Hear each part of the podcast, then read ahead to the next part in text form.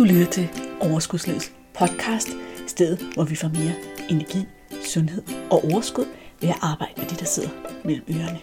Din vært er life coach og sundhedsundern Malene Dollerup. Lad magien begynde. Hej og velkommen til endnu en episode af Overskudslivets podcast. Jeg er så glad for, at du er her i dag. For en gang skyld, så vidste jeg faktisk ikke på forhånd, hvad episoden her skulle hedde. Og derfor kan jeg ikke præsentere dig for navnet på episoden.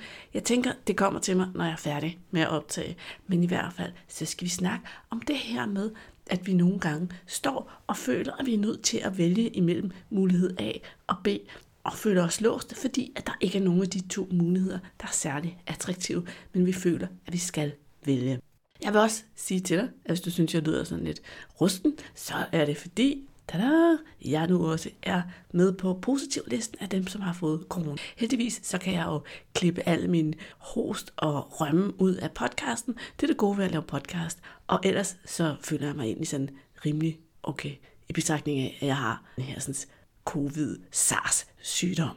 Hvorfor siger jeg SARS på den her måde? Det gør jeg, fordi at hjemme i vores hus, der er SARS sådan lidt sådan et ord, vi har slynget i hovedet på hinanden. Dengang for mange år siden, da der var et SARS-udbrud i Kina, der samlede min mand åbenbart det her ord op, og han har i overvis drillet ungerne med, at de kunne få det ene og det andet og SARS. Og hver gang han selv var syg, så har han sagt, jeg er dødelig syg, og jeg har SARS. Og nu har vi altså faktisk alle sammen SARS, fordi corona eller covid jo er en SARS. Så nu driller vi alle sammen ham med, at han har fået SARS. Det var en sidebemærkning. Lad os komme tilbage til dagens egentlige emne. Vores menneskehjerne kan rigtig godt lide at have tingene sådan lidt konkrete. Enten kan du gøre det her, eller også kan du gøre det her. Og jeg møder det rigtig tit, når jeg coacher, at vi ligesom sidder fast i, at vi har to muligheder, og at der ikke rigtig er nogen af dem, der fungerer for. Det kan godt læne sig lidt op af det her alt eller intet tankegang, som jeg taler om i episode 72. Og jeg vil bestemt anbefale dig at lytte til den episode, når du er færdig med den her episode. Den handler rigtig meget om det her med sort-hvid tankegang, eller alt eller intet tankegang, når det handler om, hvordan vi spiser, som spænder ben for man kan sige, det er jo også et eksempel på, hvordan vi tænker, enten kan jeg A, eller også kan jeg B, og har svært ved at se, at der er muligheder indimellem. Fordi jeg møder rigtig, rigtig tit den her sådan, mm-hmm, enten så spiser jeg mega sundt og fornuftigt, og mine salater og mine grøntsager, og gør alt det rigtige, træner, gør det hele, eller også kan det også være lige meget, og så ryger det hele bare ned det ene efter det andet, fordi det er jo lige meget.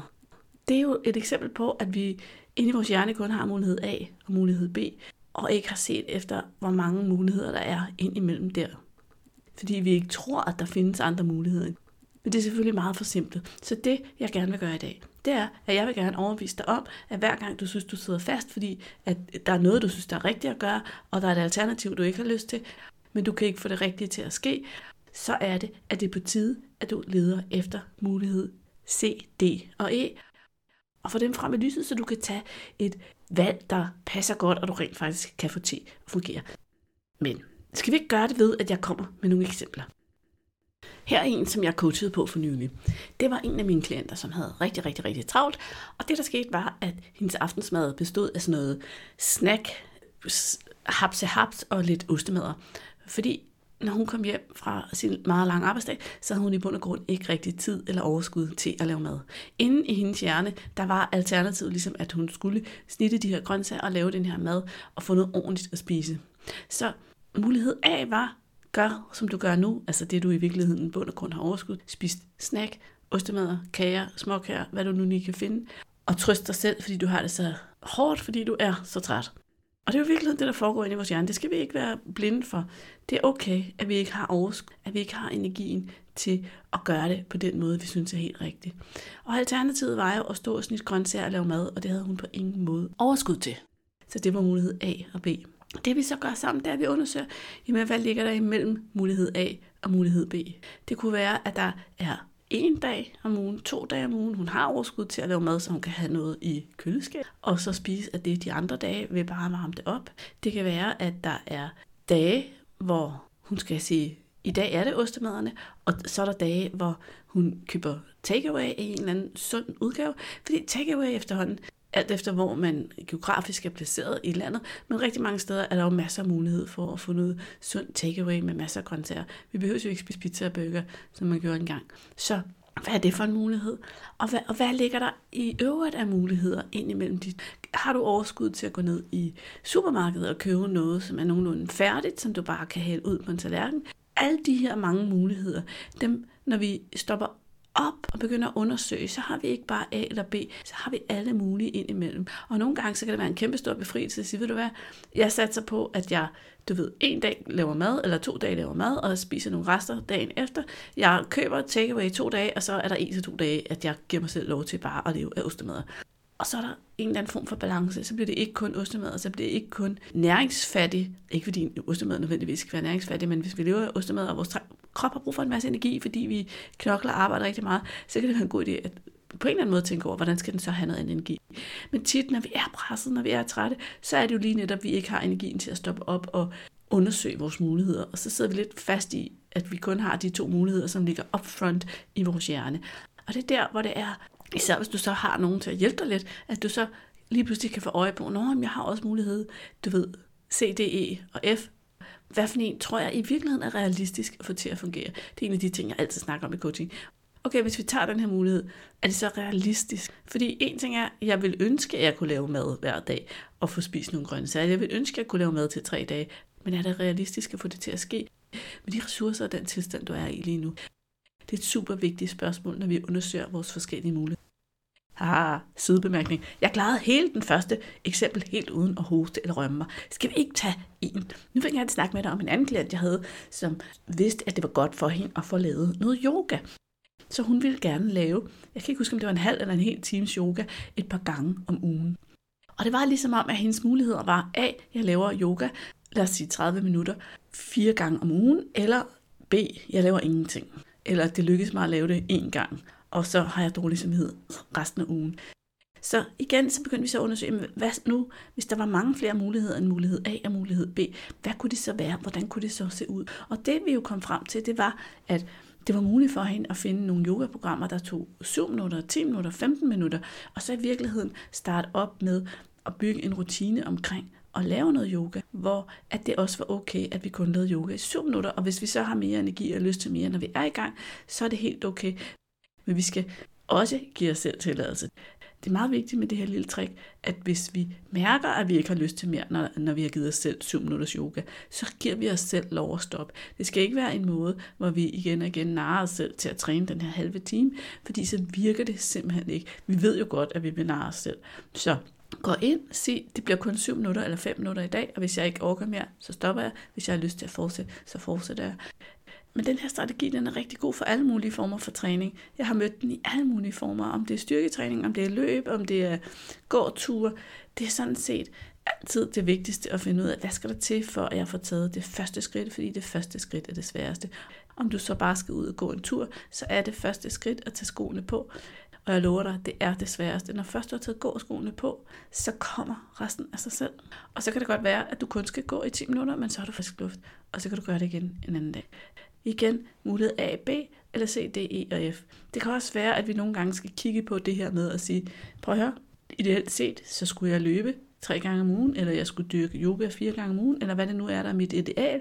Men hvis alternativet er, at jeg sådan bliver lidt opgivende og bare lader være, fordi at alternativ B er ikke at lave noget, fordi det kun er godt nok, når jeg laver de her tre eller fire gange, jamen, så misser jeg det, der var sket, hvis nu jeg kun nåede at løbe en gang om ugen i 52 uger, så ville jeg stadigvæk have løbet 52 gange, som jeg ikke havde løbet, hvis det var, at jeg holdt fast i den her med, at der kun findes enten mulighed A eller mulighed B.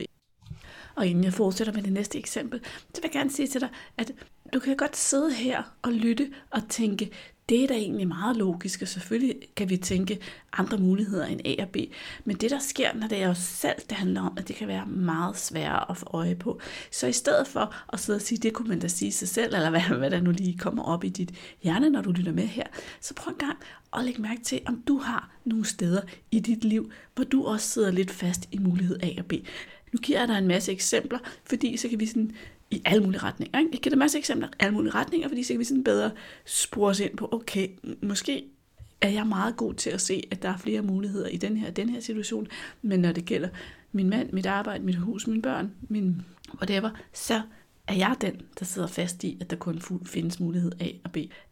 Men nu vil jeg fortælle dig om en klient, jeg havde, som havde et ønske om at lave madplaner. Og hendes mulighed var også, enten så laver jeg de her madplaner og bruger en time hver gang på det, hver uge, eller også så får jeg ikke lavet nogen madplaner, så sejler det hele, og så spiser vi færdigretter, vi spiser det samme, som vi plejer, og det bliver hurtigt nemme løsninger uden grøntsager. Og prøv at lægge mærke til, ved mange af de her sådan, eksempler, jeg giver dig med A og B, der, der er der en A og en B, hvor den ene af dem virker som den logiske, fornuftigste, den du selvfølgelig bare skal gøre. Men problemet med den korrekte, problemet med at skulle lave yoga fire gange om ugen i en halv time, løbe sin ture, eller spise den sunde mad, eller få lavet sin madplan, er jo, at vi ikke altid har ressourcerne, energien og overskuddet til det. Vi har så mange andre ting, eller vi har så mange ting, vi ikke har ryddet op i, så vi synes, det er svært at finde overskud. Nogle gange, så kan det faktisk også være, at en opgave bare er uoverskuelig, indtil vi sætter os ned og kommer i gang. Det er sådan en lidt anden genre, men det kan virkelig få os til at overspringshandle det her med, at vi ikke rigtig kan overskue, hvordan vi skal tage fat på en opgave, og hvad vores første skridt er. Men altså, hvis nu vi kigger på mulighederne i forhold til, hvis din ene mulighed er at lave en madplan og bruge en time på det, og den anden mulighed er, at det hele sejler, og I bare får spist et eller andet ad med alt for lidt grøntsager, hvad er så alle de muligheder, der ligger ind imellem, fik jeg så snakket med den her klient om. Og inden jeg prøver at præsentere dig for de muligheder, som var nogle af dem, vi fik på bordet i vores snak, så kan du jo egentlig tænke, hvad vil du svare her? Hvad er mulighederne ind imellem? Hvor mange alternativer har du mellem A og B? Giv det lige et par sekunder og tænk over det. Anyways, så hvis vi skal tilbage til de muligheder, vi så kom frem til i den her coaching, så var der jo forskellige. Blandt andet, så var der den her mulighed, at den her klient havde, og det er der mange mennesker, der har sådan en 10-20 retter, som hun kunne lidt på ryggraden, som var dem, der sådan blev hævet frem, blev hævet frem, når det bare skulle være nemt, og når det bare skulle køre. Og så havde hun den her sådan bunke af alle de her opskrifter, hun aldrig havde prøvet, og så havde hun en bunke af opskrifter, hun havde prøvet. Så en af de muligheder, hun havde, det var jo at lave en madplan, hvor der indgik to-tre stykker af dem, som hun kunne på ryggraden. Så der var nogle nemme dage, og nogle dage, hvor de prøvede noget nyt.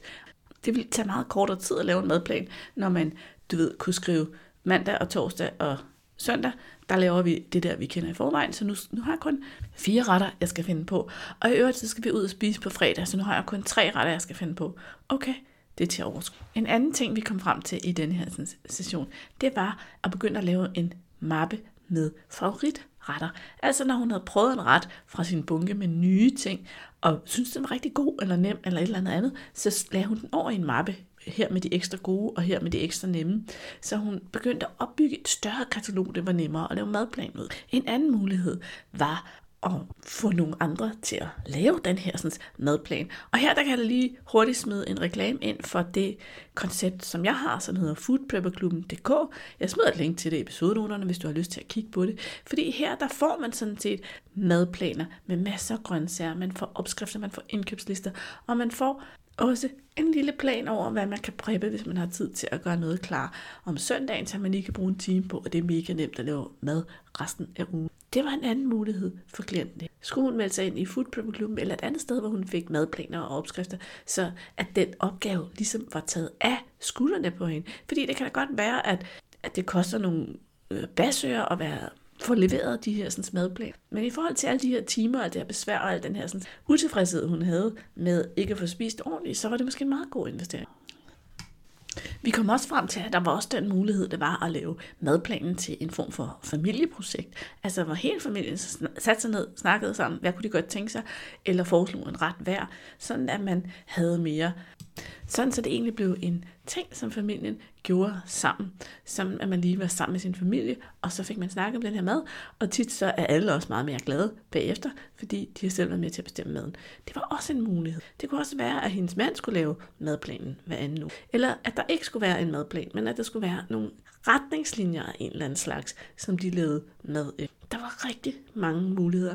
Og igen, hvis vi lige tænker tilbage på den klient, jeg havde med snack og ostemad og alternativ lave maden selv, så var der også den her med at måske at købe noget sundt takeaway en gang imellem, have en sund takeaway dag. En næste mulighed, vi overvejede, det var det her med at lave en madplan en gang om måneden i stedet for. Og så simpelthen bare have det liggende og så være klar. Så vil det tage lidt længere tid, men det vil formentlig ikke tage fire gange den tid, det tog at lave en madplan en gang om ugen, fordi der er noget med, at man skal i gang, og der er noget med noget, at når først det kører, så går det ikke.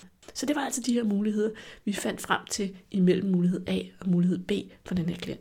Og det, der er jo interessant nu, det er, at når vi igen overvejer, hvad for en løsning skal vi tage, hvad for noget føles rigtigt, så er det igen også at mærke ind, hvad er der ressourcer på, hvad er der energi på, hvad kan vi få til at ske. Vi kan sagtens coache lidt på nogle af de der forhindringer, der er i forhold til at få det til at ske. Men vi skal heller ikke have det så ambitiøst, at det nærmest er uattraktivt at få det til at ske. Så hvis vi kombinerer ønsket om resultater, ønsket om, hvad er det, vi gerne vil have til at ske, med en realistisk vurdering af vores egne ressourcer, så kan vi træffe et valg og gå med det og være meget gladere, end når vi tror, vi kun har mulighed A og B. Nu vil jeg give dig et eksempel i en helt anden boldgade, nemlig fra mit eget liv. Min mor hun er efterhånden blevet en gammel dame, og hun har nogle udfordringer med noget demens og noget depression og forskellige ting, så hun er kommet på et plejehjem. Det er ikke, fordi hun er særlig glad for at være på det her plejehjem, men det var nu engang nødvendigt. Det er sådan set en helt anden historie. Det, som jeg ville fortælle dig, det var, at jeg så havde det sådan her, at hver gang, at der var gået over en uge, og jeg ikke havde besøgt min mor, så havde jeg dårlig samvittighed. Så fortalte jeg mig selv en historie om, at nu er jeg en dårlig datter, og det var også synd for min mor. Så inde i mit hoved, der var det blevet til, at der var to muligheder. Enten A, så besøgte jeg hende en gang om ugen, eller B, så var jeg en dårlig datter. Og hvis du lægger mærke til det for de andre eksempler, vi har haft her, så er det også tit sådan, at B altså den ene af mulighederne indeholder den der eksempel for, at så gør du det forkert, eller så er du ikke god nok, eller så fejler du på en eller anden måde. Men samtidig er alternativet den løsning, vi ofte ikke har ressourcerne til. Så en dag, så satte jeg mig ned og tænkte lidt over det her dilemma, fordi hvad var det egentlig, jeg forlangte af mig selv? Var det overhovedet realistisk for mig at komme ud af døren en gang om ugen? Det er sådan, at min bror og hans kone, de bor noget tættere på, og de har sådan en ordning med, at de henter hende hver søndag, så spiser de noget middag sammen. Og det virkede jo som om, jamen hvis min bror kan se hende en gang om ugen, kan jeg så ikke også? Men det jeg til sidst kom frem til, det var, at det var ikke realistisk for mig. Og jeg har aldrig nogensinde besøgt min mor en gang om ugen. Eller det vil sige, min mor og far de blev faktisk skilt, da jeg var 10 år, og jeg boede hos min far. Så på det tidspunkt, der besøgte jeg min mor cirka en gang om ugen. Altså mens jeg stadigvæk var barn. Og allerede da jeg begyndte at blive stor teenager, så var det måske ikke helt en gang om ugen. Og jeg flyttede jo hjemmefra, da jeg var 18, og fra det tidspunkt af har jeg aldrig nogensinde i resten af mit liv besøgt min mor en gang om ugen. Så hvorfor var det egentlig, jeg havde en historie om, at jeg skulle besøge hende en gang om ugen nu? På trods af, at hun havde det svært, Dermed på, at jeg vil gerne være der for min mor. Men det var ikke realistisk i mit liv.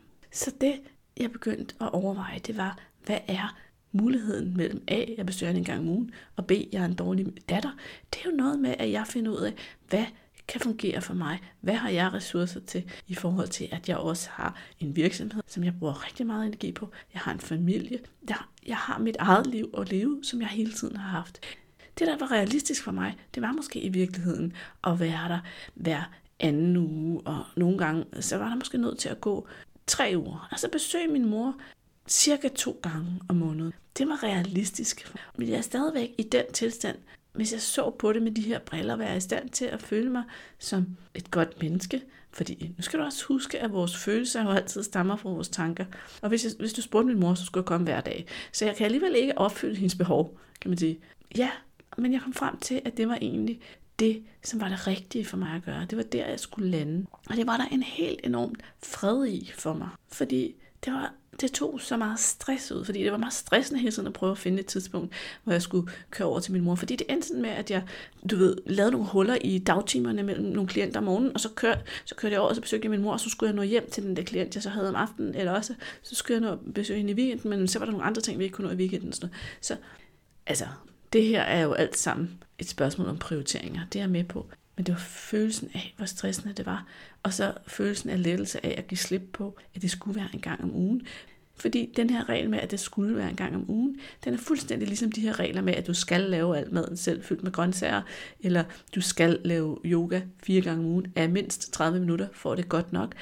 Det er en regel, du i bund og grund selv har lavet, og du altid har mulighed for at stille spørgsmålstegn ved, tjener den her regel der. Faktisk så kommer jeg lige til at tænke på, når jeg siger, tjener den her regel der, at det er faktisk også en af de ting, vi arbejder med i mit gruppecoaching-program. Det er altid, vi, vi arbejder med, hvad er det for nogle regler, du har for mad og for dig selv, og tjener de der, hvor har du fået dem fra? Det er ikke fordi, det er vigtigt, hvor du har fået dem fra, men tit har vi fået vores regler fra alle mulige steder, uden at overveje, om de giver mening i vores liv. Men så længe, at vi ikke har kigget på vores regler, så er det, at vi kan blive rigtig blinde for, at der findes flere muligheder. Okay, er du klar til et eksempel mere? Det her eksempel, det handler om job. Rigtig ofte så møder jeg også klienter, der sidder i et job, som de i bund og grund ikke er glade for.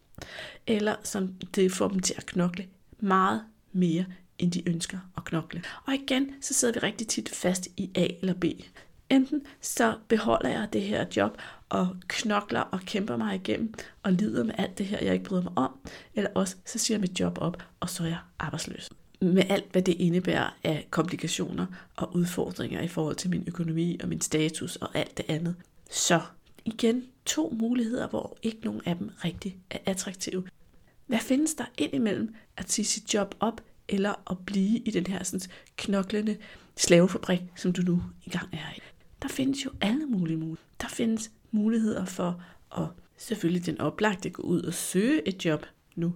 Men der findes også muligheder for at tage beslutninger omkring, hvad man vil stå model til på sit arbejde. Der findes den mulighed at tage en dialog omkring, hvad det er, du kan lide at lave og ikke kan lide at lave med din chef, og forsøge at få lavet det om. Der findes den mulighed, at du står op for dig selv og siger, det kan godt være, at vi har travlt. Det kan godt være, at der ikke er nogen andre, der ser at lave det. Men jeg vil ikke betale prisen med mit privatliv, med min fritid, for at virksomheden ikke har fordelt deres ressourcer ordentligt. Så nu sætter jeg en streg i sandet.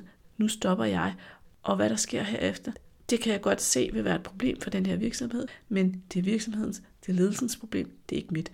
Okay, det her kunne jeg formentlig lave en hel podcast om i sig selv, fordi det er rigtig, rigtig nemt at sige, og rigtig, rigtig, rigtig svært at handle på. Det kan være sådan et sted, det kan være meget godt at snakke med en coach, eller en rådgiver, eller en vejleder af en eller anden slags omkring, hvordan får jeg sat de her sådan, grænser, hvordan får jeg stået op for mig selv i den her sådan, arbejdssituation, så der bliver både en følelse af, at jeg gør mit arbejde godt og passer mit arbejde, og en følelse af, at jeg passer på mig selv. Det er et dilemma, som kan være meget sværere at løse, end det lige lyder. Men selvfølgelig findes der muligheder inde imellem A og B. Det kan også være, at man kan melde sig på et vikarbureau, og så kan man sige sit job op, og så kan man i hvert fald have arbejde indimellem.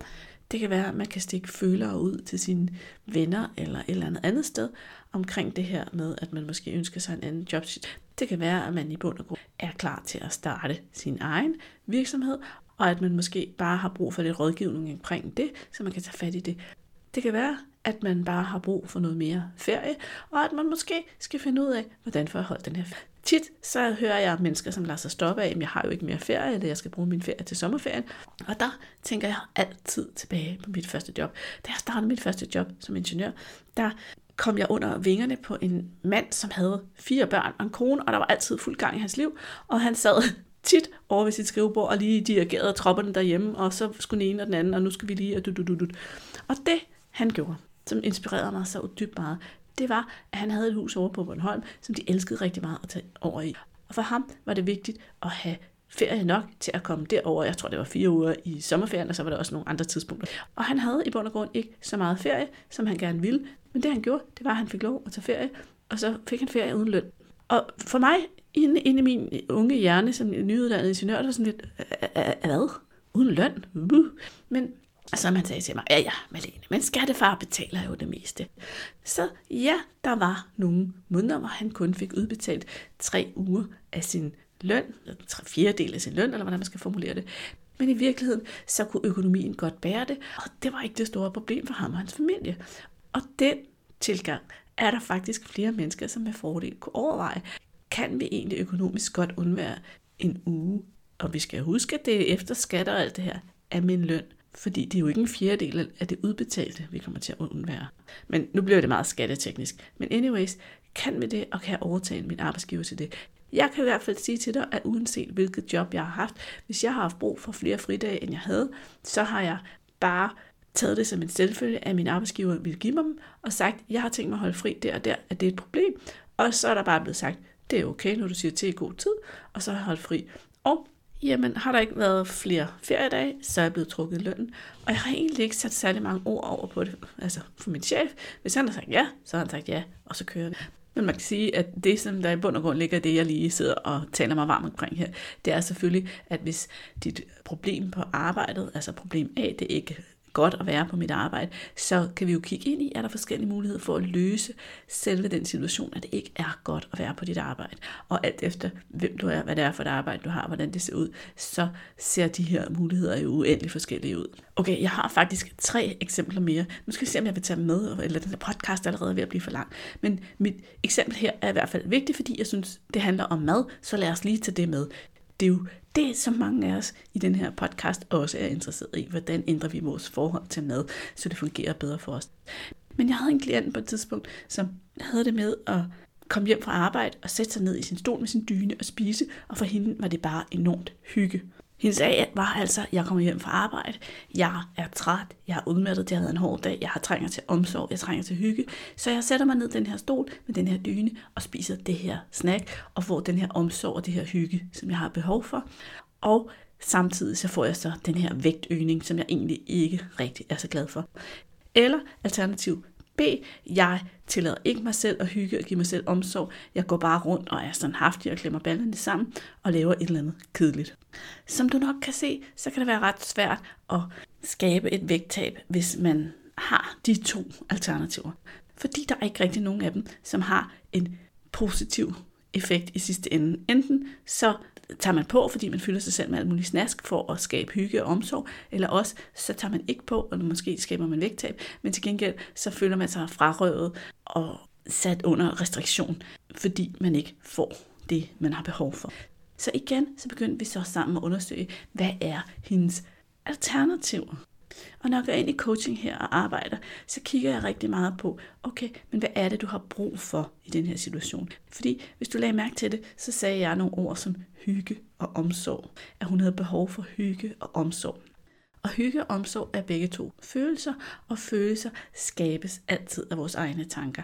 Det eneste sted, vi kan få følelser fra, når vi altså snakker de her sådan, psykologiske følelser, jeg snakker ikke sådan noget smerte jeg har brændt sig og sådan noget, men almindelige psykologiske følelser, det eneste sted, de kan skabes, det er i vores egne tanker.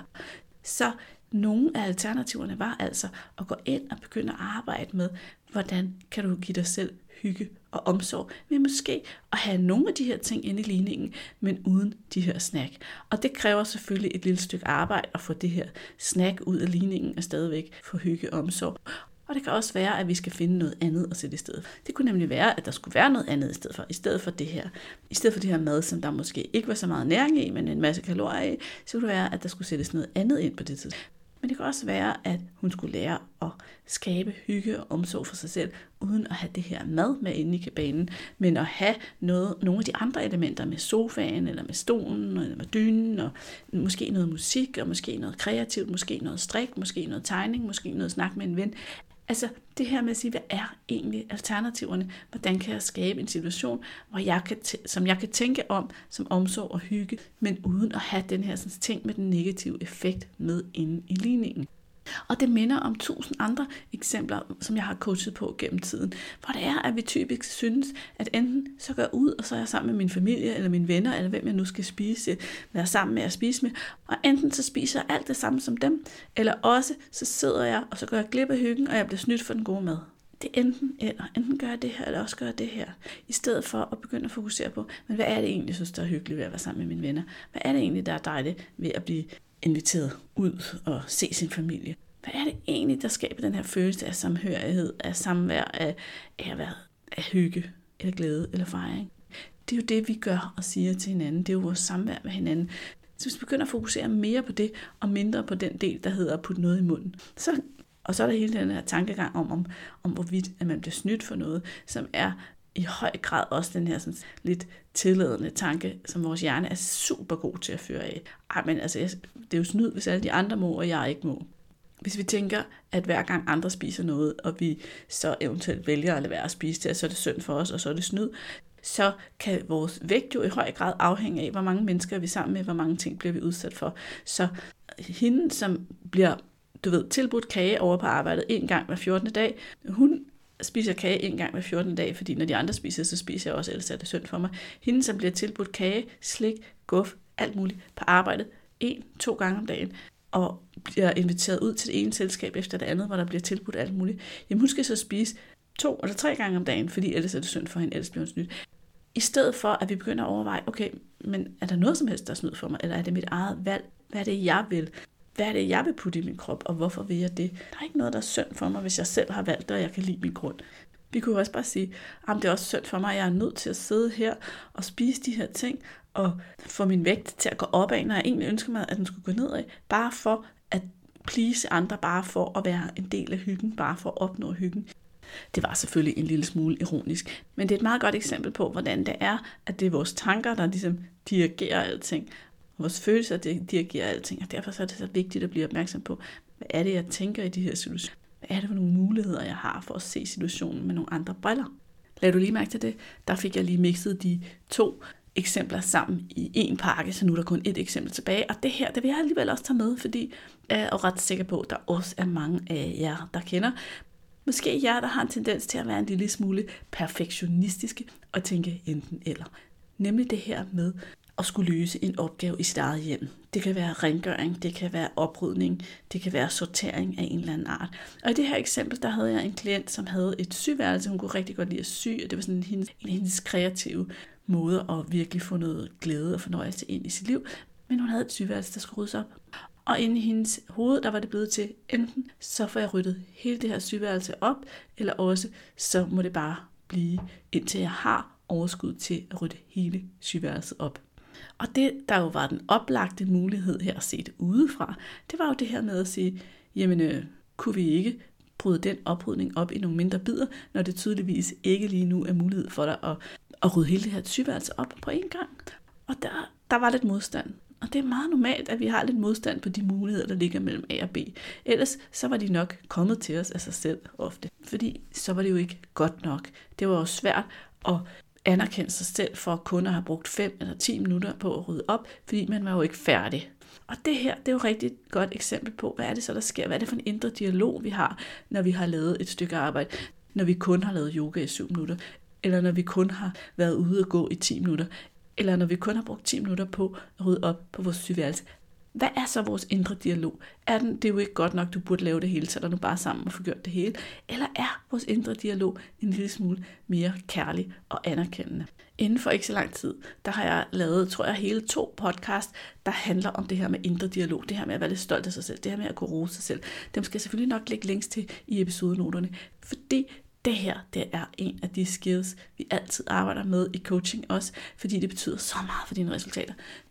Jeg vil sige, det kan tit gøre hele forskellen på, hvad du opnår af resultater, hvis der er noget, du gerne vil forandre. Det her med, hvordan snakker du til dig selv, når du gør noget godt. Hvor meget energi bruger du på at anerkende dig selv for det gode.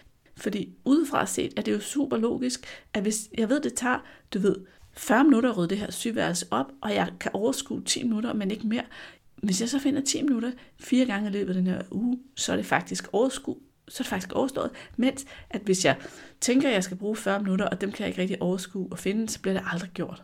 Det er jo logisk nok, når vi sidder udefra og lytter til det, men når vi sidder inde i det, så er det ikke så logisk, fordi vi ikke vil være tilfredse med os selv, når vi har lavet 10 minutter. Så det er altså et skill, vi kan lære. Det er noget, alle kan lære ændre vores indre dialog, sådan at vi opnår de resultater, vi gerne vil have, i stedet for at lade vores egne tanker spænde ben for os. Det er så menneskeligt, at vores tanker spænder ben for os. Det er det, der sker for os alle sammen hele tiden. Det er ikke fordi, der er noget galt med os, eller vi er øh, fejlbehæftet. Alle menneskers hjerner gør det her hele tiden. Også os, der er coaches, og som er blevet coachet i mange år, som har prøvet det her game mange gange. Vores hjerner spænder også ben for os. Du kunne bare se mit eget eksempel med min mor. Men det er jo der, hvor det kan være super lækkert at have en coach, som kan hjælpe en med at se ens tanker og undersøge ens tanker og finde nye perspektiver, sådan at man kan komme frem til tanker, der rent faktisk kan støtte en. Det er jo en del af processen i sådan, en, i sådan et coachingforløb. Det er at arbejde med de her tanker. Og det, der sker, når at vi arbejder med tankerne, når vi bliver coachet på lige specifikt vores egne tanker, det er også, at lige så stille bliver vi bedre og bedre til selv at opdage, hvad er det for nogle tanker, der spænder ben for mig, og kan jeg se anderledes på det. Det er en af de mange fordele, som coaching har, det er, at jo mere man bliver udsat for coaching, jo bedre bliver man rent faktisk til at lave arbejdet selv. Så hen ad vejen bliver man mere og mere selvhjulpen. Altså, jeg synes stadigvæk, at alle burde have en life coach altid. Det er så lækkert at have en coach.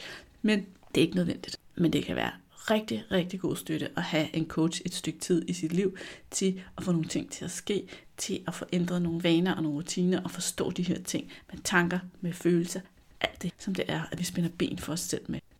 Nu vil jeg slutte podcasten, og jeg har stadigvæk ikke fundet ud af, hvad den hedder, men det ved du, fordi du har sikkert læst titlen til den her podcast, inden du trykkede play, så det er jo godt nok med det. Og så vil jeg sige til dig, at skulle du være der, hvor du tænker, nu skal jeg ikke vente længere, Nu gider jeg ikke længere høre på mine egne undskyldninger for at sidde fast og ikke få den hjælp, jeg har brug for. Nu kunne jeg godt tænke mig at være en del af et fællesskab, hvor der var sammenhold, hvor der var fejringer af hinanden, hvor vi blev løftet, og hvor jeg kunne gå fra med en fyldt værktøjskasse og være meget bedre til det her med tankerne. Hvor jeg kunne opnå personlig udvikling og være på en personlig rejse for at komme hen der, hvor mit forhold til mad blev langt bedre, langt mere afslappet, sjovere, lettere, og min krop også blev lettere. Så vil jeg fortælle dig, du er ret heldig faktisk, fordi så starter din coaching tirsdag den 22. februar. Der starter en gang for alle coachingen, og vi coacher hver uge i et halvt år, indtil du er en ninja til alt det her med tanker og følelser, og kan se, at nu er det ikke længere et problem, og du ikke længere skal tabe de samme kilo igen og igen. Er du med på den rejse? Vil du med? Så gå ind på overskudslivet.dk en gang for alle. Eller send mig en besked, hvis du har brug for at snakke med mig først. Fordi vi har stadig en ledig stol til dig, og jeg vil elske at have dig med på den her sådan, personlige udviklingsrejse, som det er at være coaching i sådan en fantastisk lille gruppe. Skulle du lytte til den her podcast langt ud i fremtiden, forbi den 22. februar 2022, prøv at her, så skal du ikke gå glip af coaching magi. Nu er altid det bedste tidspunkt. Der er stadigvæk mulighed for at få en snak, eller for at komme med på et hold. Der er link i episodenoterne til alle mulige måder, du kan komme i kontakt med mig på. Har du brug for hjælp, så er ingen grund til at vente. Nu er det altid det bedste tidspunkt, fordi det, der er over på den anden side, skal jo gerne begynde så hurtigt som muligt. Kan du have det godt, til vi hænger ud i dit øre igen i næste uge? Eller om 14 dage er det vist. Hej hej. Hey, inden du løber, glem ikke at abonnere på podcasten, så du ikke går glip af en eneste episode. Og skulle du have fingre i den gratis videotræningsserie Vægtab med din hjerne, så smut ind på overskudslivet.dk videoserie, så lander den første video i din indbakke i dag.